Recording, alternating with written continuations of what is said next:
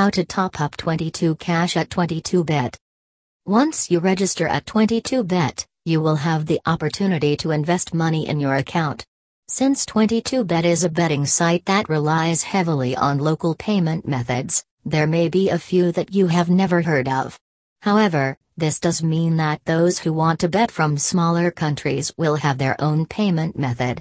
The main options are large wallets such as Skrill Naylor, as well as bank transfers, debit and credit cards.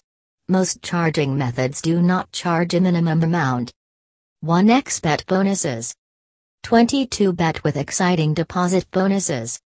Betting bonuses vary depending on your location. As a rule, you will receive a 100% bonus for your first recharge, up to a certain amount. This bonus should be used on several express bets, after which you will be able to cash your winnings. There are no recharge bonuses for users of the betting section of the site.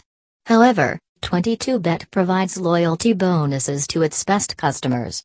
These bonuses can be quite profitable.